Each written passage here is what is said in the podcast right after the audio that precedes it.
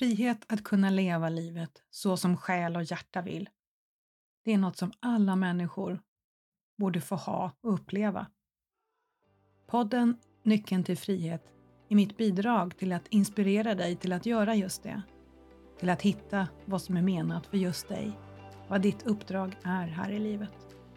Till att ha mod att våga göra det som krävs för att du ska kunna leva dina drömmar. Oavsett vad dina drömmar handlar om. Oavsett om det handlar om dina relationer, vad du gör på dagarna, om du vill driva eget företag eller vad som som påverkar ditt mående i livet. För dina drömmar är värda att ta på allvar. Du är värd att ta på allvar. Ditt liv är värt att ta på allvar. Så välkommen till podden som ger dig nycklarna till din frihet. Mitt namn är Agneta och jag är så glad att du är med på resan. Idag ska ni få möta skaparen av Mirakelböckerna, Regnbågsserien. Välkommen till podden Ylva. Tack så jättemycket, vad roligt att få vara här. Och det är så roligt. Det är mycket eget intresse känner jag som jag ville bjuda in dig till den här podden för att jag är ju jättenyfiken på att höra mer om den här bokserien. Och ja, en liten orsak är ju för att jag har fått äran att få vara med nu i den tredje och gula boken. Men jag vill veta mer om dig. Ja, tack. Jag är jättenyfiken på dig och upprinnelsen till det hela så att jag är jätte, jätteglad att du vill ta en stund och prata lite med mig och berätta för de som lyssnar. Själva resan till Mirakelkur för själen? Ja, det och mer om dig och ja, ja. vad är, vad är det med böckerna? Ja, säkert. ja, min, eh, min medvetna resa som man brukar tala om, eh, den började ju för ungefär 22 år sedan. Då drabbades jag av en förlossningsdepression med min första dotter. Mm. Och eh, jag fick inte den diagnostiserad förrän fem år senare. Så det var egentligen då som mitt liksom, inre arbete började på riktigt, riktigt när jag hade fått någonting liksom, handfast att ta på. Jag hade mm. ju varit till åtskilliga läkare under de här fem år, åren och jag hade hunnit få min andra dotter på vägen eh, och mådde fruktansvärt dåligt. Och ingen fångade upp mig, jag satt och grät hos läkarna. Och, och, ingen hade kommit fram till att jag kanske hade fått den här förlossningsdepressionen då. Mm. Och det var inte förrän jag blev tvångsremitterad av min husläkare som hade rejält ledsnat på mig och min gråt. Eh, så tvångsremitterade hon mig till Nackapsykiatrin.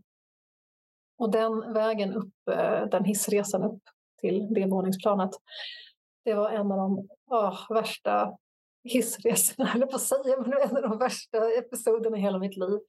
Jag är ju mm. uppvuxen med en, en mamma som hade psykotiska tillstånd.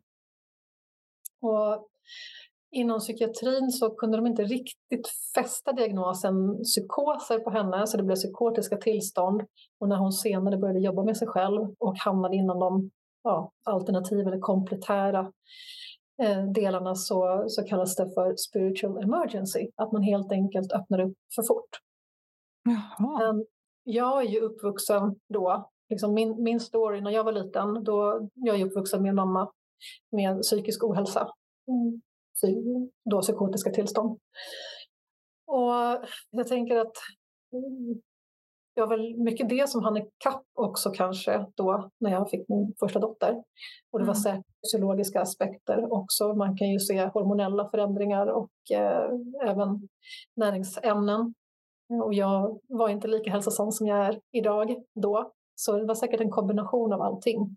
Och mm. även stressen från PTS, PTSD som jag hade från när jag var liten också.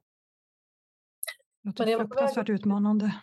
Ja, men verkligen. Så allt det där brakade också över mig när jag stod där i hissfärden upp till det här våningsplanet på mm. Nacka sjukhus. Men det här första mötet som jag eh, verkligen befarade skulle vara det värsta. Eh, min, eh, ja, alltså jag, jag, har, jag har tyvärr inga bra erfarenheter av psykiatrin. Förutom kanske det här mötet. Men eh, erfarenheter med min mamma när vi har varit på psykiatrin har varit fruktansvärd. Jag vet att det finns guldkorn inom vården och, och vi ska värna om dem så mycket. Men tyvärr har jag träffat på väldigt få av dem. Men den här överläkaren som jag träffade, hon var väldigt skarp. Jag kommer ihåg, hon var från Polen, hon var väldigt snabb och rapp och hon tittade över mig, eller på mig över, över glasögonkanten och eh, konstaterade väldigt snabbt när jag hade berättat lite om mig själv att men, du drabbades av en förlossningsdepression.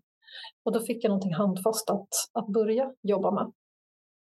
Sen eh, så frågade de mig vad, vad jag ville ha för lösning, vad min väg till, till bättre hälsa skulle vara. Mm. Och det som kom till mig då, det var att jag skulle önska terapi två gånger i veckan, två timmar åt gången, i mm. två års tid. Och min, den här överläkaren lämnade ju snabbt och överlämnade då till hennes, hennes assistent, eller man ska säga. Eh, och hon sa att det är helt omöjligt. Jag har aldrig varit med om att någon har fått något sånt. Men så sa jag, men ja, du frågade mig vad jag önskade mig och det är det jag önskar. Så att vi får se vad vi får mm. Och jag fick faktiskt den unika möjligheten. Så jag satt där i, i eh, två dagar i veckan i två års tid, eller knappt två års tid, för den, den skars ner på grund av ekonomiska besparingar. Så den sista delen av terapin fick jag inte. Men eh, gott ett och ett halvt års plus satt jag där och tröglade. Och jag fick ingen annan hjälp än att hålla näsan ovanför vattenytan. Jag satt och pratade om och om och om och om och om och om och om och om, och om igen om mina besvär och mina erfarenheter och liksom min uppväxt och familjesituation med mina barn då. Och jag kom inte till någon läkning. Och det var supertufft. Och än idag, även om jag har utbildat mig till sorgbearbetare på vägen, så finns det en viss sorg i att jag förlorade så många år med mina barn. Mm. För jag var inte den, den närvarande mamman som jag önskade. Men någonstans så det var som att det var någonting som viskade i mig att när du är igenom det här så kommer du att hjälpa andra. Mm. Och det är någonting som har har burit mig på något sätt. Och på den tiden så var jag inte alls lika medveten som jag är idag. Eh, det här med intuition och grejer, det var... Nej, jag är inte uppvuxen med det. Jag är inte uppvuxen med några sådana samtal överhuvudtaget om energier eller intuition eller om det finns någonting högre än oss själva. Så det, det mm. har varit någonting som har kommit på, på min väg men som också har hjälpt mig otroligt mycket. Mm, Får jag fråga en sak? Mm. Jag tänker på din erfarenhet med din mamma då. Det fanns mm. ingenting där som du säger att det hette någonting med spiritual emergency. emergency. Det fanns ingenting där ändå som väcktes i det som fanns där. För jag tänker om det ändå kunde ha funnits någonting fast det kan ha varit förknippat kanske med någonting väldigt jobbigt så att du kanske tryckte ner det. Förstår du vad jag menar? Du menar som att eh, det skulle väckas någon, eh, någon rädsla av något slag? Ja, men lite så tänker jag. För att det, här, det är ju fruktansvärt det du berättar och så otroligt starkt. Jag blev väldigt berörd när du pratade om det. Jag tänker att om du också i... Om du har en erfarenhet av ett, ett psykiskt tillstånd som har skapat obehag i dig från när du växte upp och sen själv är du med om någonting och så tar det så fruktansvärt lång tid innan du får hjälp och en hjälp som egentligen bara får dig att gegga runt i detsamma utan att riktigt komma upp. Mm. Det ändå kanske finns en någon rädsla, ett litet motstånd mot att släppa fram det här. För det, det är klart att det har ju kommit fram magiska saker, det, det, det ser jag, det vet jag nu. Jag tänker att det kan också vara i relation till hur att det här superjobbiga som många går igenom sen blir lika härligt åt andra hållet om vi väl vågar släppa fram det. Jag ska se om jag kommer fram till vad jag var ute efter här, för det var någonting jag greppade när du pratade. Mm, jag slutar nu prata det, se om du har någon reflektion på det jag svamlade om här. Om du förstår vad jag menar. Det här när du pratar om att släppa fram, är det det, det intuitiva du är inne på eller vad är du inne på då? Ja, det här skapande, det här som ville fram i dig också, för att du redan då kände att det kommer bli någonting av det här, att du kommer hjälpa och guida andra, vilket du nu gör i stor skala. Mm. Att våga släppa fram det där. Mera, mera. Um, det, var, det var mer som att jag fick en, en visshet. Även om jag idag kan, alltså jag är väldigt intuitiv och vissa skulle kalla det för medial. Um, men då var det inte lika självklart att ta emot som information. Men just mm. den informationen, den var så klar, så självklar. Mm. Så den liksom bar jag med mig som en, en vägledning från mig själv för att orka igenom. Så att på något sätt så visste jag att det skulle hjälpa andra, men kanske inte i vilken, i vilken form. Och det har ju mm. faktiskt fått sig på vägen. Även om jag är en person som tror mycket på tankens kraft idag, eh, det är den jag kom i kontakt med runt 2005-2008, och, och, insåg att vi faktiskt har möjligheten att påverka våra liv. Eh, och det är ju det som är eh, ett av de stora syftena med, eh, med bokserien Mirakelkur för själen också. Så även om jag tänker att jag har, har en möjlighet att påverka mitt liv, så vissa delar känns ju som att det har funnits någon slags plan, om man ska ha den filosofin med sig, att det redan har funnits en, en slags plan. Och jag brukar lite skämtsamt, men också med mycket allvar säga att, att jag har blivit ofrivilligt, uh, ofrivillig healer på vägen, jag blev ofrivilligt medium på vägen, jag blev ofrivillig nästan hypnotisör på vägen. För det är verkligen de delarna som jag inte riktigt har valt själv om man då ser det från den begränsade delen och egostrukturen. Mm. Uh, det har ju mera kommit igenom alltså jag har ju varit en sanningssökare i 22 års tid plus. Men varje gång jag försöker, eller tror att jag liksom har närmat mig en sanning så blir jag tillbakaslungad på ruta noll. Så jag är väldigt ödmjuk idag. Eh, mm. Och kanske inte heller strävar efter att veta lika mycket som jag gjorde tidigare. Mm. Men det är en sån otroligt stor, stor fråga. Vad sa du? Hur känns det att inte att kunna släppa den här strävan efter att veta? Hur, hur upplever du den? Ja, det beror på vilken del som, som är mest aktiverad i mig just precis på den frågan. Ja. är jag i egostrukturen? För det är ju egostrukturen som, som gör att vi får för oss att vi ska behöva veta. Mm. Så den intuitiva delen, eller den den gudomliga delen eller den som är kontakt med alltet eller kvantfältet eller vad, vad, man nu vill ha för benämning. Det är de här benämningen som jag gärna suddar bort och alla etiketter och nivåer och hej och hå.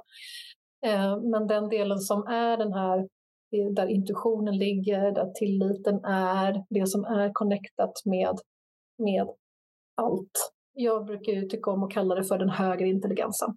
Att mm, det finns någonting högre än vår fysiska kropp. Ja, du är också inne på den. Ja, absolut. Och jag vet att den högre intelligensen det kommer också väcka välbehag hos en och obehag hos en annan. Mm. Men, men det mm. kanske inte är lika laddat som om man säger Gud eller Buddha eller yoga för den delen. Mm. Jag, jag, önskar ju också med, med bokprojektet att vi ska kunna enas kring de här upplevelserna som vi har de mm. historierna som vi delar tillsammans med Mirakelkur för själen. De som vittnar om att det finns något annat än vår fysiska kropp, vårt begränsade jag. Att det finns något obegränsat, det finns så mycket möjligheter för oss själva i våra egna liv för förändring, men också världen i stort, att vi faktiskt kan vända den här världen rätt. Och jag är så tacksam att du är med på den resan. Mm. Och jag med. Ja, det är så otroligt fint att få vara en del, en pusselbit i det här stora fina pusslet som du genom böckerna lägger. För jag tänker att det här är ju en, den här kraften och benämna den, ja det får man ju välja vilka ord man vill, men det är svårt att inte benämna för att om, vi ändå ska ha, om man ska kunna konversera och få ett, ett flöde i det vi ändå vill få ut. Så mm. om, jag, om vi säger den högre intelligensen så får de som lyssnar välja vilket ord de vill till det. Men det är ju en kraft som är fantastiskt tycker jag när jag väl har börjat tappa in på, när jag kan landa tryggt i den famnen. Men mm. som sagt, mitt ego, mitt huvud, har mm. jättemycket att tycka om det.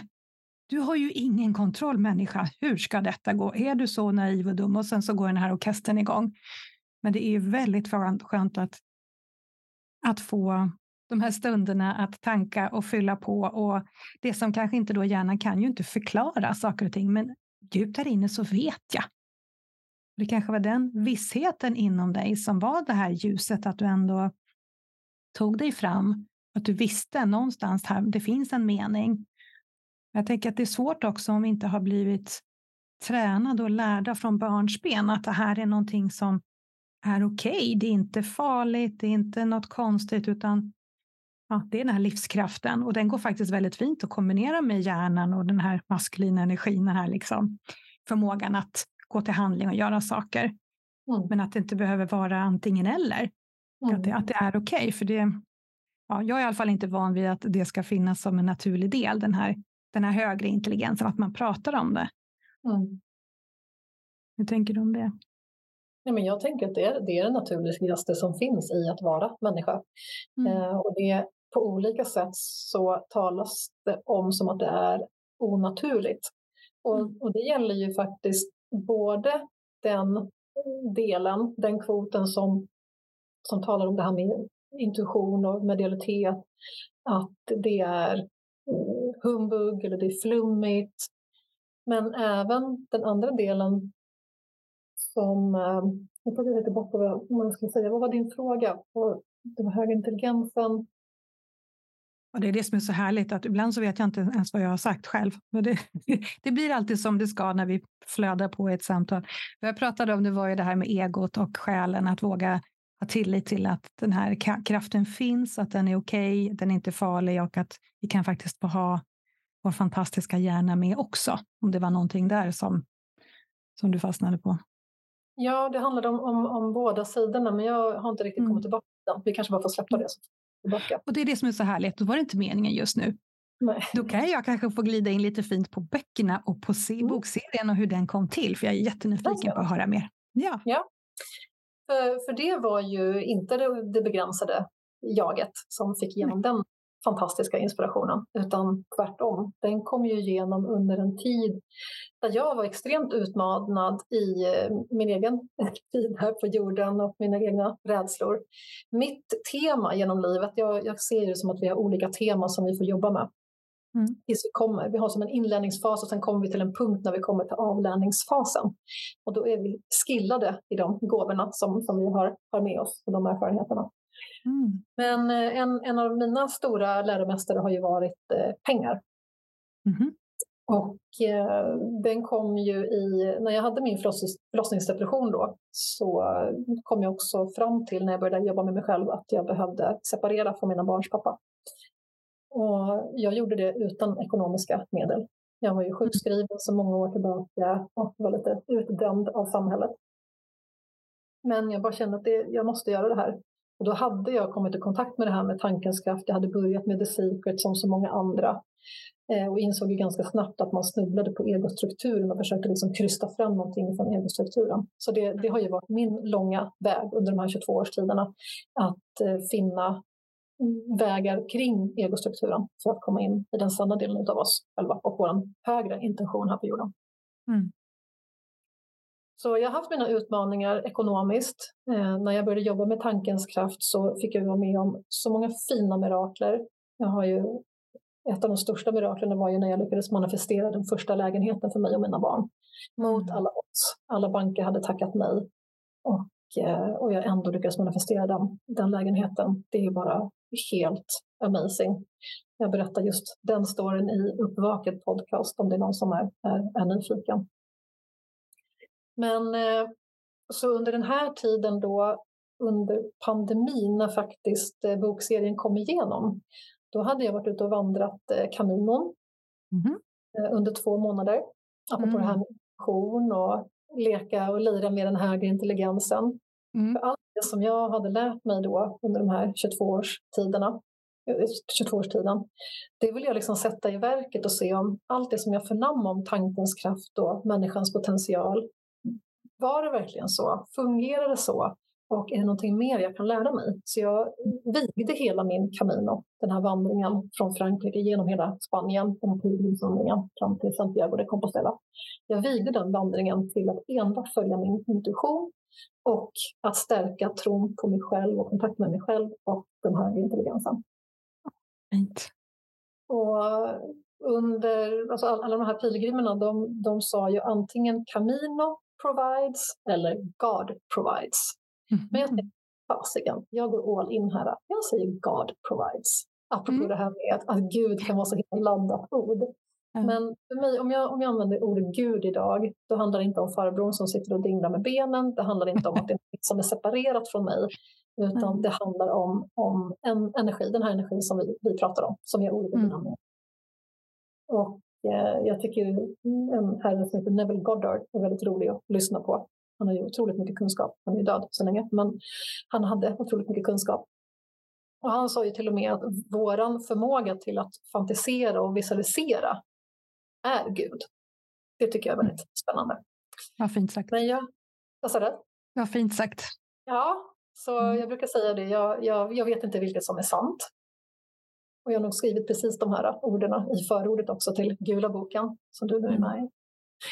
Men, eh, ja, men jag, jag gick verkligen all in och överlämnade hela min vandring. Det enda jag gjorde var att följa de gula pilarna i den här pilgrimsvandringen. För hela leden är utmätt med gula pilar på olika sätt.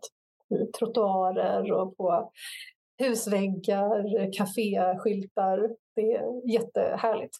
Så jag släppte allt vad guideböcker heter och allt. Så jag mm. lät mig guidas i vad jag skulle äta, vart jag skulle äta, vart jag skulle sova, inte skulle sova och ha så otroligt fina upplevelser därifrån. Jag blev utmanad på dag ett. Jag hamnade akut på sjukhus och var tvungen att spendera två, de två första dygnen på sjukhus i Pamplona. Och fick ta det mycket lugnare under den här färden dessutom.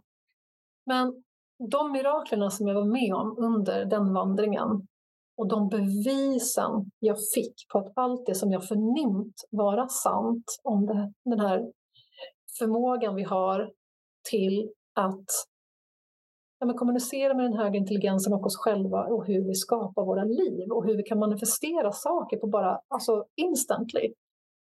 Jag, jag, fick så, jag blev så överbevisad. Jag fick så många situationer som jag verkligen behövde ha med mig därifrån. Så jag tänkte att det här var ju mitt mandomsprov i tillit. Nu är jag fullfjädrad. Men tjej fick jag.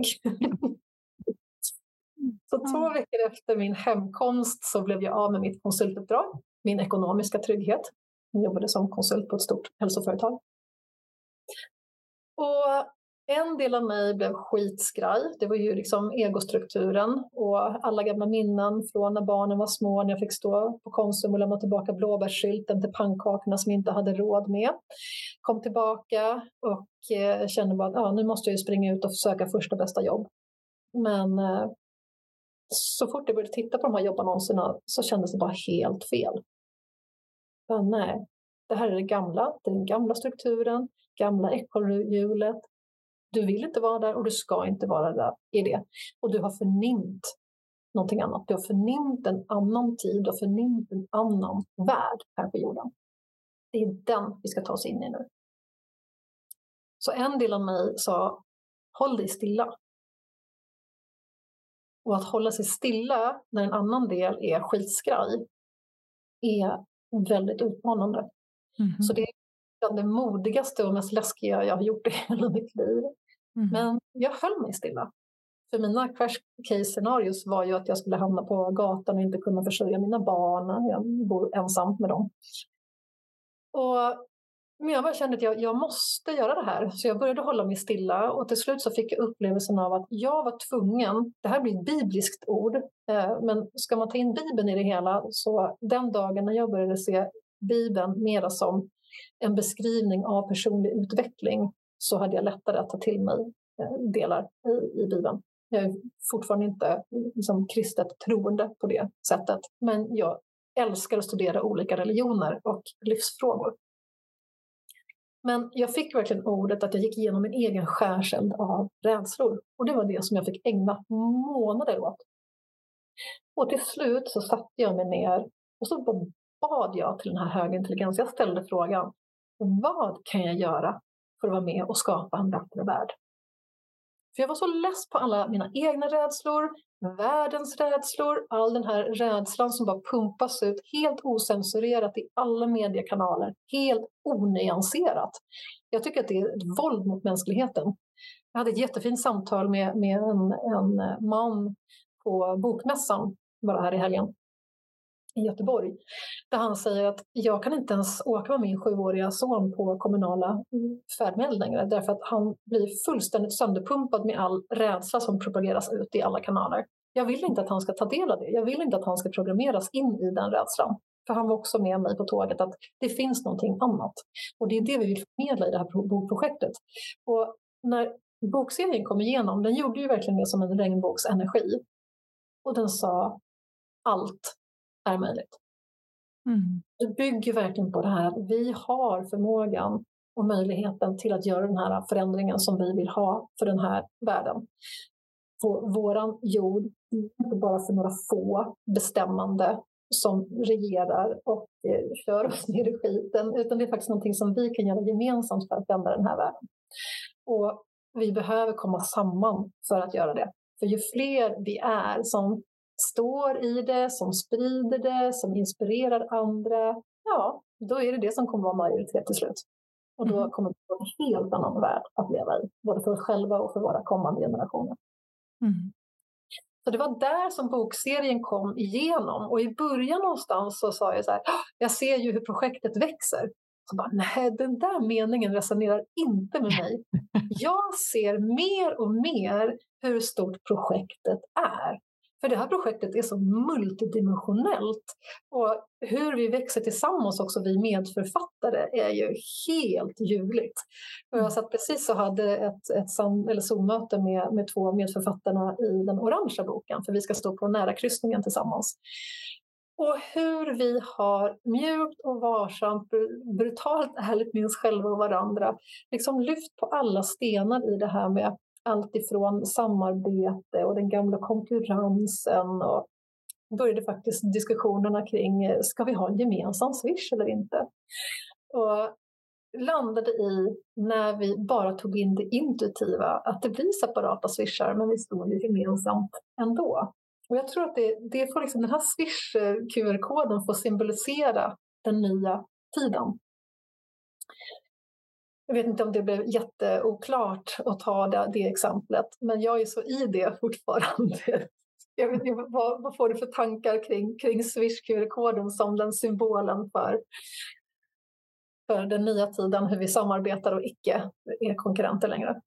Jag kan säga det första jag ser, faktiskt innan du kom till den, det exemplet, var att jag såg inte bara de här, man kan säga eh, att det sprider som ringar på vattnet, utan jag såg mer som att det var jag såg som ett stort nät, som ett stort spindelnät som går åt alla håll, femdimensionellt på något sätt. Och den här lilla spindeln den bara rör sig lite grann och så bara växlar det ut sig, blir större och större och sprider sig i massvis med noder som också delar upp sig massvis med olika håll. Jag tänker på bokserien Alla människorna som delar med sig och som de berör, som i sin tur berör någon, att det verkligen sprider sig och att det verkligen ställer det här den här gamla patriarkala den här egostrukturen på sin spets, att det verkligen ruskar om och släpper det i, på något sätt i de här fästena så att det kan få en chans att mjukt börja falla isär och bilda någonting vackert istället.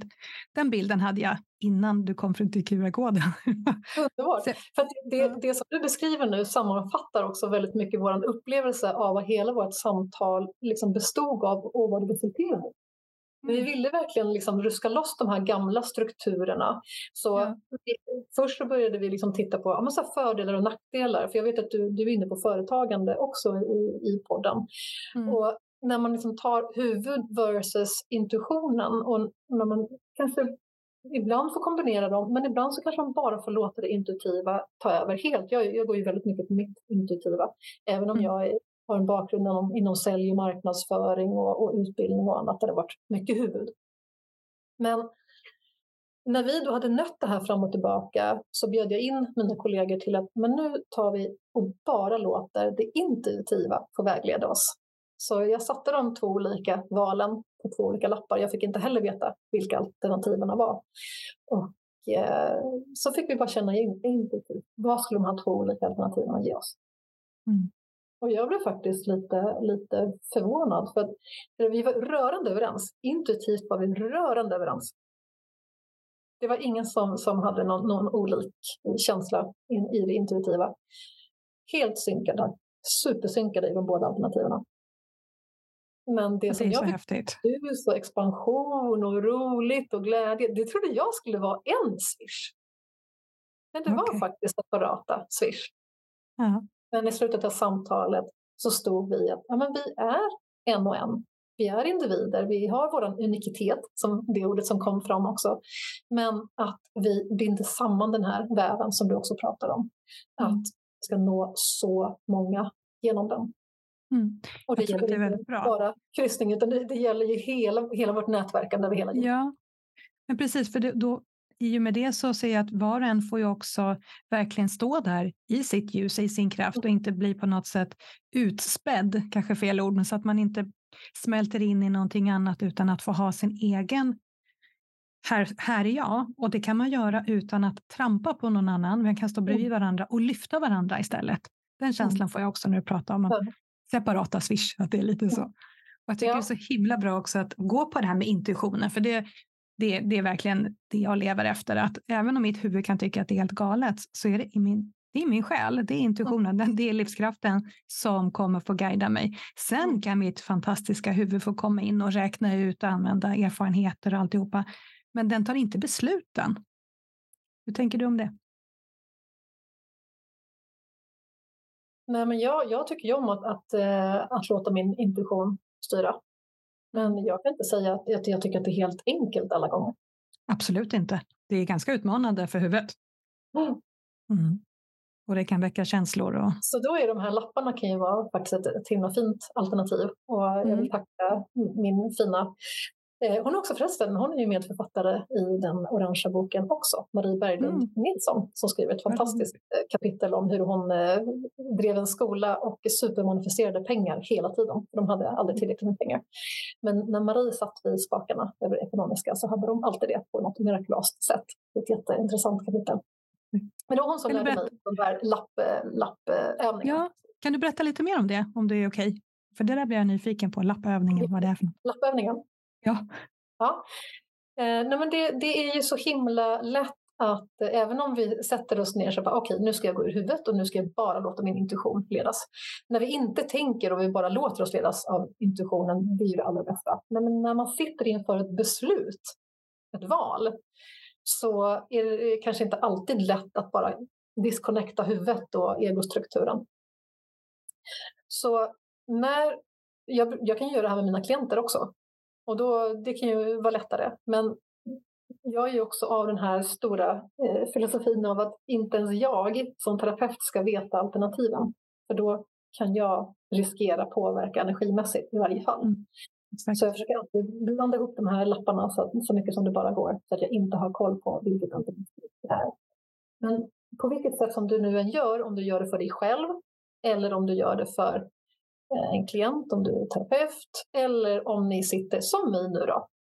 Vi satt inför ett eh, företagsbeslut. Vi skulle mm. samarbeta. Eh, så skriv alternativet. Du skriver de två alternativen, eller du kan ha flera alternativ, men skriv alternativen på en, ett papper. Och sen så skapar du en, en liten lapp för varje alternativ och i det här fallet nu då så skrev jag siffran inuti lappen. Och så hade jag de skrivna alternativen då gemensamt eller separata eh, skrivna på ett annat, annat A4. Mm. Eh, där vi också kunde skriva ner vad vi hade för upplevelse för de olika alternativen. Men sen så knögglade jag ihop de där lapparna till oigenkännlighet så att jag inte skulle kunna riskera att veta vilket alternativ det var. Mm. Och eh, nu gjorde vi det här på Zoom, så jag höll ju lappen i min hand och de andra fick också känna in samtidigt. Och eh, vi fick extremt lika upplevelse av de båda lapparna. Så det var superintressant. Och sen då på, när vi hade gjort båda lapparna så fick vi öppna upp dem och se vilket alternativ som var vilket. Och det var jättekul. Jag blev faktiskt jätteförvånad. På mm. Det funkar ju på så härliga sätt det här med att få den här guidningen. Och det här var ju ett ja. jättehärligt sätt. Verkligen. Men sen är det ju inte bara att ja, men okej, nu låter vi vår intuition få ta beslutet. Sen är det faktiskt egostrukturen som också ska få komma med i det här beslutet. För alla har vi olika förutsättningar. Vi har alla olika erfarenheter. Vi hade lite olika vinklingar på de olika alternativen. Så det, alla var ju inte helt inne på det beslutet som togs från det intuitiva. Så då var det ju delar av vissa personers egostruktur som då behövde liksom få komma ikapp och tas om hand. Men det är ju också något otroligt eh, vackert och jag blev dessutom också vägledd till att göra liksom en övning där vi verkligen fick lossa på eh, gamla strukturer i oss alla, men även på kryssningen. Eh, så det, vi jobbar ju inte bara för oss själva när vi gör de här inre arbetena. Nej, exakt. Det där är ju fantastiskt läkande. Hela, hela jorden, eller hur? Ja, Ja, men eller hur? Det blir, där är ju verkligen ett stort ringa på vattnet och på vilket sätt det nu kommer ut. För att, och det är så läkande att om vi nu får den här guidningen och sen så har vi något motargument, det händer någonting som du säger i mm. egostrukturen. Att våga se det, lyssna på det och läka det med det, det är ju fantastiskt läkande, befriande. Ju mer och mer vi gör det, ju mer och mer kommer vi ju fram som de fantastiska varelser vi är. Att vi kan följa det här. Och mm. precis också att vi gör det för den stora massan också, när vi mm. faktiskt skiftar och har modet att göra det här. Ja, modet, alltså utan det då, då kommer vi ju ingen vart. Nej. Det, det kan jag skriva upp på med Mirakelkur för själen också. Jag har ju fått igenom så galet mycket rädslor i det här projektet. Mm. Men eh, man, det är bara att fortsätta att gå. Och ju mer vi fortsätter att gå till dig som sitter och lyssnar eller går och lyssnar eller står för den delen. Alltså tar vi alla de här första stegen som vår intuition guidar oss till, då kommer vi aldrig få veta. Men när vi tar de här första stegen, då får vi så mycket hjälp, så mycket inspiration på vägen. Men vi kommer ju förmodligen, så har det i alla fall varit i mitt fall, att jag får ju alltid möta fler av mina rädslor. De trycks ju upp till ytan som svampar. Mm. Och medvetandegöra dem och ta hand om dem. Så jag jobbar ju med hypnos bland annat och transformativ coachning. Och det är det jag jobbar med med mina klienter. Men när jag stöter på rädslor då får jag ju också trava iväg och ta hjälp Mm. Mycket kan man göra på egen kammare men eh, vid vissa tidpunkter så vill man bara få hjälp för att någon mm. håller för den. Så klokt. Det är jätteviktigt att göra det, för det blir också som att öva upp den här muskeln när du vågar lita på intuitionen och se vilka magiska saker som faktiskt händer. Mm. Men vi blir ju inte färdiga som människor, utan då kommer ju nästa och så nästa. Och att vi får mer och mer styrka att faktiskt möta dem där. För det, det är klart det kommer göra ont i vilket fall, men att mm. hitta de vägar vi behöver och kanske till och med ta hjälp ibland, för det, det behövs. Vi människor behöver ju varandra. Ja. Så berätta mer om bokserien nu. Vad hände? Då kom den som en nedladdning, regnbågsenergin. Vad mm. gjorde du sen? Nej, och, och jag, jag, för mig så är det som att allt det som jag har gjort fram till nu är, har ju bara varit förberedande. Det, jag är som klippt och skuren som, som projektledare och eh, Eh, medförfattare i, i projektet. För dels så älskar jag att dela med mig av stories. Jag är en storyteller. Och jag har inspirerat så många på min väg. Eh, och den första som hoppade på projektet, Katrin Tollström till exempel, hon berättar ju om hur hon supermanifesterade sin drömlägenhet på Södermalm i Stockholm. Eh, och mot, eh, mot många odds. Hon hade inte heller riktigt ekonomin för den, den lägenheten men hon berättar på ett jättehärligt, glädjefullt sätt om hur hon faktiskt manifesterade den här lägenheten. Även fast hon inte hade pengarna för det. Och hon, en del av hennes inspiration till att hon faktiskt gjorde precis just det är för att jag berättade om min supermanifestation av min lägenhet när mina barn var små. Och, för jag vet att när man tar in i sin egen verklighet att det går att göra den här förändringen, då är liksom halva jobbet eller mer redan gjort. Och det är det fenomenet som jag nyttjar när jag jobbar med mina klienter i transformativ coachning och i hypnos. Jag vill alltid leverera en sann historia, antingen ur mitt eget liv eller någon annans, utan att nämna namn. Men att man verkligen levererar en sann historia om att på det här temat som, som klienten vill ha hjälp med att det faktiskt går. Det är någon som har gjort det innan dig. Och jag själv, när jag vill ha till en förändring, jag älskar ju att gå ut och kolla på testimonials på Youtube. Jag har ju en, en stor inspiratör som heter Joe Dispenza om du har koll på honom. Underbar, så är bra. Underbar. Mm. Och jag håller med. Och jag, jag har varit iväg på stora event med honom och mediterat med honom och brutit massa begränsande tankar om mig själv och världen. Eh, men älskar att sitta och titta på hans testimonier som han sätter samman jag vet inte, han i hans stav, han är alldeles för stor för att göra det själv nu. Men han har ju mängder, alltså tusentals med testimonier. Så jag kan verkligen rekommendera er som lyssnar om ni inte har koll på honom eller de här testimonierna för den delen, att gå ut och kika. Mm. Uh, för att där är det någon, några som jag kommer ihåg så jättemycket. Det är ju en kvinna som uh, supersynkade och bara gick in i, i abundance-energin under en meditation på ett av hans event. Hon verkligen gick in i, i att vara överflöd och laddade ner en miljon dollar på lunchen sen efter den meditationen. Så, så enkelt kan, kan det gå. Eh, mm. Jag är inte riktigt där än, men vi har ju en medförfattare i Orangea boken som manifesterade 22 mille. Och hon berättar exakt hur man gör i, i det kapitlet. Det är inte dåligt. Och hon fick dessutom hjälp med cancer där på vägen också. Så jag älskar ju att dela med mig av de här storiesarna. Och det är ju mm. det som är hela supersyftet med Mirakelkur för själen. Nu bara lyfter vi på de här glastaken som man pratar om och alla begränsande tankar om oss själva och världen i stort och människans potential. Mm. Hela den här liksom, lilla kuben som vi har blivit instöpta i med begränsningar och att vi ska rätta oss in i leden. Nej, vi skiter i det nu. Nu, nu är det dags. Så bra. Mm. Men det kanske inte alltid är så lätt att bara skita i det. Men när vi inspirerar oss själva och påminner oss själva och varandra om den här superkraften som vi faktiskt har. Och det mm. är inget magiskt med det.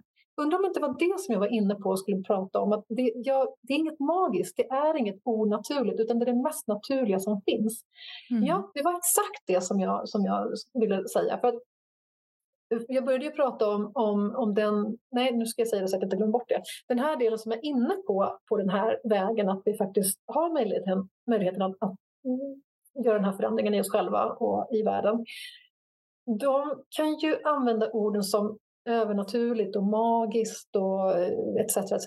Och så ska det liksom vara en positiv aspekt. Men vi tar ändå bort ifrån att det är extremt naturligt. Är du med på vad jag mm. menar? Jag förstår precis. Mm. Så jag har använt magiskt genom större delen av mitt medvetna liv. Men, men jag vill inte göra det längre. Jag vill inte säga att det är mm. magiskt, jag vill inte säga att det är otroligt. Jag vill, jag vill bara säga att det är natur. Det är det mest naturliga som finns med att vara människa. Det är troligt istället. Det är mycket mer troligt faktiskt. Ja. Mm. Ja, jag håller med, för det är så viktigt att få in det där att det faktiskt inte är en utopi eller för andra. Och det här jobbet du gör med de här böckerna, det, jag känner att det går ju in undermedvetet hos människor. Ja. För att om du inte har fått det på något sätt bevisat för dig att det faktiskt är möjligt, så även om din hjärna kanske är svårt att förstå, undermedvetet fattar du ju. Ja. Och då slipper du på något sätt uppfinna hjulet själv och hela den här cirkusen med energin som du ska, behöver ladda för att klara av det här och våga tro fast ingen annan har gjort det. mm. Då har du redan någon som har åkt före och inte bara någon utan det är många som mm. åker före. Och då blir det så mycket lättare att flowa med på något sätt där. Definitivt, och jag älskar synken som vi, som vi har här. Och jag kan säga att när, när jag har läst, vi har ju tre fantastiska Nära döden-upplevelser i eh, Orangea boken. Och de har ju transformerat mig. Mm. Och det är inte bara det, det undermedvetna som plockar upp det här, det är det omedvetna som liksom får oss med på den här surfvågen också. Men jag har ju en helt annan annat förhållande till, till döden idag till exempel efter att jag har läst mm. dem de, de berättelserna. Så det, och, och det här med att du säger att det, att det går till det undermedvetna, för det är det vi pratar mycket om i hypnosen, att vi går in och jobbar i det undermedvetna. Mm. Och jag brukar ju säga att eh, Mirakelkur för själen, det är ju min vakenhypnos till världen. Så bra. Kan du säga det en gång till? Det lät så fint. En gång till. Det är min vakenhypnos till världen. Underbart. Underbart. Så ju mer vi pumpar oss själva med de här liksom goda nyheterna, de här möjligheterna, desto mer får vi tillbaka tron på oss själva. För det finns ett frö där inne. Det, det, det var den här delen av mig som sa att när du är igenom allt det här eländiga så kommer du att hjälpa andra. Det är ju mm. samma frö som får, som får näring av de här historierna. För att vi kan förnimma någonting jag vet ju till exempel, jag var så sjukt inspirerad, eller inspirerad skulle jag inte använda, jag skulle inte använda det ordet när jag var liten. Men kommer du ihåg pojken med guldbyxorna? Ja. Jag älskade den serien. Mm. Och, och, jag var ju så liksom helt till mig, för jag är inte uppvuxen i ett hem där det fanns massa pengar. Vi, vi hade det okej, absolut. Vi hade mat på bordet och fint hus och sådär. Men det var inte så att jag såg en massa pengar så jag kunde gå och köpa massa grejer. Liksom som man då kanske hade mera, mera fokus på som liten. Men de här pojkarna med guldbyxorna, den här känslan som jag fick ifrån den serien. Mm. Som jag såg som en, en serie, en, en saga. Någonting som inte fanns i verkligheten. Den energin, jag känner exakt samma energi fortfarande. Men för mig idag, den är sann. Mm. För jag har kunnat manifestera, det var ingen stor summa, jag berättar om den i, i ja, röd eller orange boken, jag kommer inte ihåg. När men, men det som var så bra med den här storyn, det var att jag, jag behövde exakt 450 spänn. Och jag lyckades manifestera dem inom loppet av 45 minuter. Mm. För när jag insåg att jag behövde lämna ifrån mig 450 kronor om 45 minuter så hade jag 0,62 kronor på mitt konto. Wow. Och jag var bestämd mig för att jag ska ha de där 450 kronorna. Man kan berätta mer om vad jag tänkte där i, i, i kapitlet. Men jag bara jag, jag var bestämd mig, jag ska ha de där 450 kronorna. Och mm. inom loppet av 45 minuter, på ett helt otroligt sätt, så har jag dem i min hand. Mm. Jag kan överlämna dem till den här personen som jag var skyldig. Ja, det är häftigt. Och för mig så skit i att det är 450 kronor. Det kan man tycka att det är jättelite. För någon kanske det är jättemycket. Men, men för någon kanske men det spelar ingen roll. Det var, ju, det var inte en sån kaxig summa. Det är inte 22 miljoner som den där kvinnan i orangea boken. Nej, men grejen är att det spelar ingen roll om det är 450 kronor Nej. eller om det är 450 miljoner kronor. För om ni tänker på den här kvinnan på Joe Dispenza-eventet som laddar ner en miljon dollar på lunchen. Det är, det är bara våra begränsade tankar som, som sitter i vägen. Precis, det var det jag tänkte flika in med, för det måste ju vara så att om jag har förstått det här rätt, att egentligen det finns ju obegränsade möjligheter, de här själarna, mänskliga erfarenheter som vi är, att skapa med hjälp av fältet och allt vad det är. Jag är absolut inte expert på det. Men det som sätter käppar i hjulet, det är ju just den här, den här verkligen mänskliga delen av oss. Våra egna begränsningar, tankar, hur vi tror, tänker och beter oss. Men när vi kan kliva bortom det. Men där vill jag ändå klämma i med magi, även fast det inte är magi som är otroligt, utan det är en trolig och ganska ja, det, det, blir en logisk följd på något sätt, för att vår hjärna kan inte riktigt greppa det där. Mm. Nej, och jag, och jag, älskar det här med när du säger just att det, att det finns en, en möjlighet. Det är också det som Joe Dispenza pratar mycket om, att det, det finns en möjlighet ute i kvantfältet. Det är bara att plocka mm. hem mm. jag, jag hade ju det angenäma problemet att, äh, att jag hade för lite böcker med mig till Bokmässan i Göteborg. Jag visste ja. inte hur Mirakelkur för själen skulle bli mottagen där. Det är, inte, mm. det är inte den genren som kanske går mest på Bokmässan i Göteborg. Där är det mest mm. feelgood och äh, deckare. Deckare går ju väldigt, väldigt bra. Men, eh, men jag insåg att eh, efter första dagen så hade jag sålt hälften, eller mer än hälften av, av de böckerna som jag hade med mig för fyra dagars mässa. Härligt. Så jag bara, men jag måste ha hit fler böcker. Ja, härliga ilandsproblem. Ja, och jag bara, nej, det finns en möjlighet ute i universum, i kvantfältet, för mig att kunna ha hit böcker. Mm. Och jag vill ha dit många. Jag vill ha, ha dit eh, två lådor, så det var ungefär 80 böcker. Och så bara, jag, jag lägger ut ett inlägg på sociala medier, för där har jag sett att folk får hjälp tidigare. Och så var det någon vänlig själ som sa, min son ska åka tåg på, på morgonen imorgon. Eh, på, på fredagen då, eller då på torsdagen första dagen. Och eh, han kan säkert ta dem. Så bara, det är ju fantastiskt, jättegulligt. Det finns ju en möjlighet att ta dem hit, men det var inte enkelt. Och jag hade också skrivit i inlägget att att bilen skulle gå från Stockholm slash Nacka där jag bor. För jag ville att det skulle vara enkelt. Enkelt mm. och möjligt och för alla inblandade. Liksom. Det skulle inte vara krångligt att åka och hämta böckerna eller någonting. Så jag, jag vilar lite i den, den där möjligheten. För jag tänkte, ja, men visst om min dotter kanske skjutsar böckerna till tåget och han bara tar det på tåget och jag möter upp på centralstationen. Ja, men då blir det i varje fall möjligt för honom. Mm. Men, men det blir inte enkelt. Det måste finnas en annan möjlighet. Så jag slappnar av in i det där och bara håller mig i tillåtande tillstånd. Det är det som jag skriver om väldigt mycket och pratar med mina klienter om att vi kan sända iväg en, en, en begäran eller en, en bön eller en intention, vad vi nu vill kalla det för. Men om vi inte släpper taget om den och är i tillåtande tillstånd för att kunna ta emot den önskan eller requesten, då, då kommer vi aldrig ta emot den. Så mm. mitt uppdrag är att hålla mig i tillåtande tillstånd. Så jag släppte taget igen och gick in i en skön känsla. Och sen så lite senare så kommer ett meddelande om att min yngsta dotters för detta klasskompis mamma hade sett inlägget och hon hade en kompis vars mamma skulle åka ner till Göteborg klockan fem morgonen efter. Mm. Och, jag, och de ville ha böckerna levererade på kvällen, förståeligt. De hade småbarn, de skulle åka tidigt på morgonen. Så jag ringer till min äldsta dotter som har körkort. Bara, vart är du någonstans? Hon svarar inte, bara skriver på sms, jag är på konsert. Och jag förklarar läget. Hon bara, okej, okay, men om jag sätter mig på bussen hem nu så kommer jag kunna vara hemma då och då. Är det för sent? Och det var det inte. Så hon sätter sig på första buss hem, kör över böckerna och eh, levererar dem dit. Och jag har dem nästa dag på bokmässan fram till entrén 10.30. Alltså det är så himla läckert.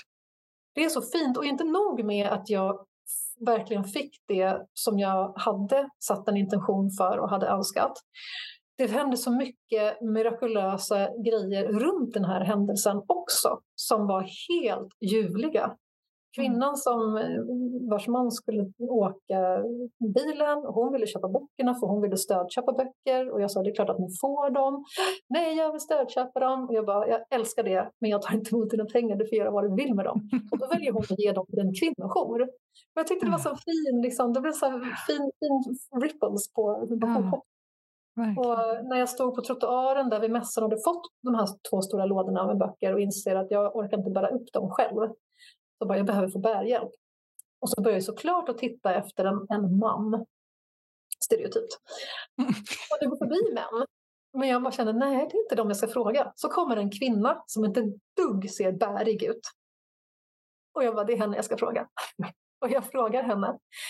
Och hon var ju lite så här, rynkat lite på näsan, men hon var ju väldigt snäll. Och, och så visade det sig att hon hade också skrivit böcker tidigare och konkat på lådor, så hon visste ju precis vad det här var. Så hon ville absolut hjälpa mig, men hon var inte så sugen på att bära. men hon gjorde det i varje fall. Men utan att eh, nämna vem hon var, eh, för det ville hon inte, Eh, hon ville inte vara med på bild så jag antar att hon inte vill att jag nämner det här heller. Men hon visar sig i varje fall vara en jättebra person för mig i bokvärlden. Roligt. Jättekul! Så dessutom så fick jag en till jättefin kontakt. Och jag mm. undrade också, för, för jag sa ju du kan ju bara hjälpa mig under tak här för det, var, det skulle börja regna. Men, men hon hjälpte mig hela vägen upp till, till min monter. Så gulligt. Mm. Men så frågade jag, kan inte jag hjälpa dig på något sätt? Kan jag bjuda dig på en, på en kaffe? Och vad är du här? Vad, vad ska du mm. göra? Liksom? Vad är ditt syfte? Eh, och så berättade hon det. Men jag, jag kanske kan hjälpa till någonting med det. Hon bara, ja men det kan du faktiskt. Du kan få svara på några frågor. Så då fick jag svara på de frågorna. Så då fick vi mm. hjälpa varandra. Och jag älskar det här. Och det, är precis, det här är liksom det här med att följa sin intuition i ett nötskal. Alltså vi, vi har upplevelsen, förmågan, vi följer det här med att vi faktiskt kan påverka våra liv. Och sen mm. när man står där, för jag har ju fått göra jättemånga saker som har gått emot min egostruktur med vad jag tycker känns bekvämt eller inte och fått gå fram och fråga människor som jag egentligen inte hade tänkt utifrån huvudet att det här är den smartaste personen att fråga. Eller mm. att det här känns obekvämt att fråga en person. Men när man väljer att fortsätta gå, precis som jag var inne på tidigare, när vi ändå fortsätter att gå det är då vi öppnar upp för alla de här möjligheterna. Eller rättare sagt, vi tar emot de möjligheterna som levereras till oss. Exakt. Så det är tillbaka till det här modet och verkligen lita på att vi, vi har så jäkla mycket hjälp. Vem det än nu mm. än är som sänder ut den här hjälpen, om det är vi själva, eller om det är universum, eller om det är Gud, eller om det är den höga intelligensen. Men någonting händer. Och det, det är den gemensamma faktorn och det är ju det som vi gemensamt berättar om i de här berättelserna på olika sätt. Olika nyanser. Allt ifrån kallbad till ditt fina kapitel, det kan ju du berätta om själv. Och till mirakelmanifestationer, till eh, de som har överlevt sjukdomar och lyssnat till den inre rösten och låtit sig vägledits till sina drömjobb och vad det nu än är. Mm. De som har köpt eh, bostäder genom hjälp av eh, nära anhöriga som är döda. Mm. Men har lyssnat på deras röster och vägledning. Ja, det är verkligen mirakler och jag tycker det är så häftigt att se och höra hur när vi på något sätt kliver ur vår egen väg, när vår e vårt eget huvud inte ska hålla på att begränsa. Mm. För det är på något sätt det vi gör när vi inte vågar lita på den här kraften. Mm. Alltså vilka saker det händer, vi kan ju inte räkna ut allt det där. Och när vi kan flöda med, det är ju fantastiskt. Ja, det är det. Ja. Så, så det vi behöver göra det är att medvetandegöra de här, de här äh, motstånden. Mm. Precis. Och det är det som vi jobbar aktivt med både i bokserien, men äh, jag och några fina människor har ju events lite runt om i, i Sverige också där vi hjälper till att lossa på de här gamla strukturerna. Superbra. Viktigt, mycket viktigt arbete. Mm. Alltså det har varit fantastiskt härligt att få prata med dig och få veta lite mer och jag är om möjligt ännu mer stolt över att jag får vara med i Gula boken nu när jag har fått yes. höra allt det här. Ja, men det ska du vara och jag är glad att du, att du har den känslan själv för det här är ett så jätteviktigt och meningsfullt och dessutom roligt projekt. Och vi mm. hjälper många, vi får ju många läsarröster tillbaka om hur de fått tillbaka hopp, de känner sig återinspirerade och ja, nu ger vi järnet. Nu, nu vänder vi den här världen rätt. Helt rätt, det gör vi. Tusen, tusen tack för ett jättefint samtal. Tusen tack själv, det var så fint att få vara med dig här. Och jättehärligt samtal, jag håller med. Okej, innan vi avslutar Ylva, är det någonting som du vill skicka med ut till de som lyssnar nu? Ja, men för det första så är det ju våga lita på din intuition och ha modet att följa de stegen. Det blir så mycket roligare. Jag har så många historier, mer än vad jag har berättat om idag, eh, som leder till, till så mycket vackert. Och, eh, och sen så vill jag ju jättegärna säga att vi söker medförfattare till de kommande böckerna. Och den gröna boken släpps till sommaren 2024 och deadline är i mars så man har perfekt lagom tid och eh, skriva sin text och det är bara en och en halv A4-sida så det är inte mycket text men det rymmer väldigt mycket i den texten men den är inte så jobbig att bearbeta. Eller vad säger du? det är totalt hanterbart. det är totalt hanterbart och man får dessutom författarutbildning i projektet. Ja. Så jag vet inte, du kanske har om din upplevelse att faktiskt vara medförfattare?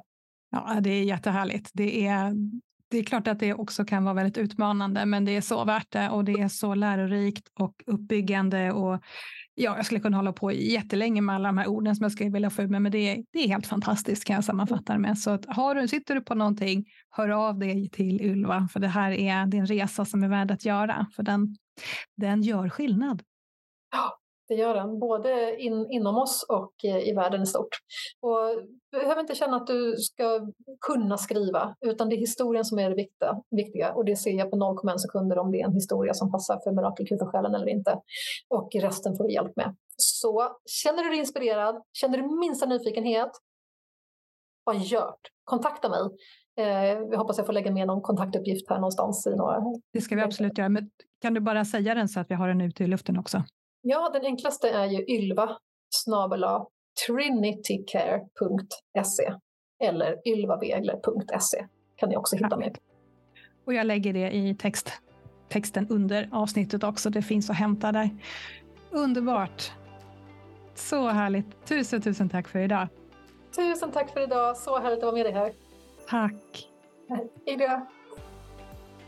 Tack för att du har lyssnat. Jag hoppas att du har fått med dig inspiration för din resa framåt, till att leva ditt liv med inre frid och yttre fred, på ditt sätt. Tror du att även andra kan ha nytta av att lyssna? Dela gärna avsnittet. Vi hörs snart igen.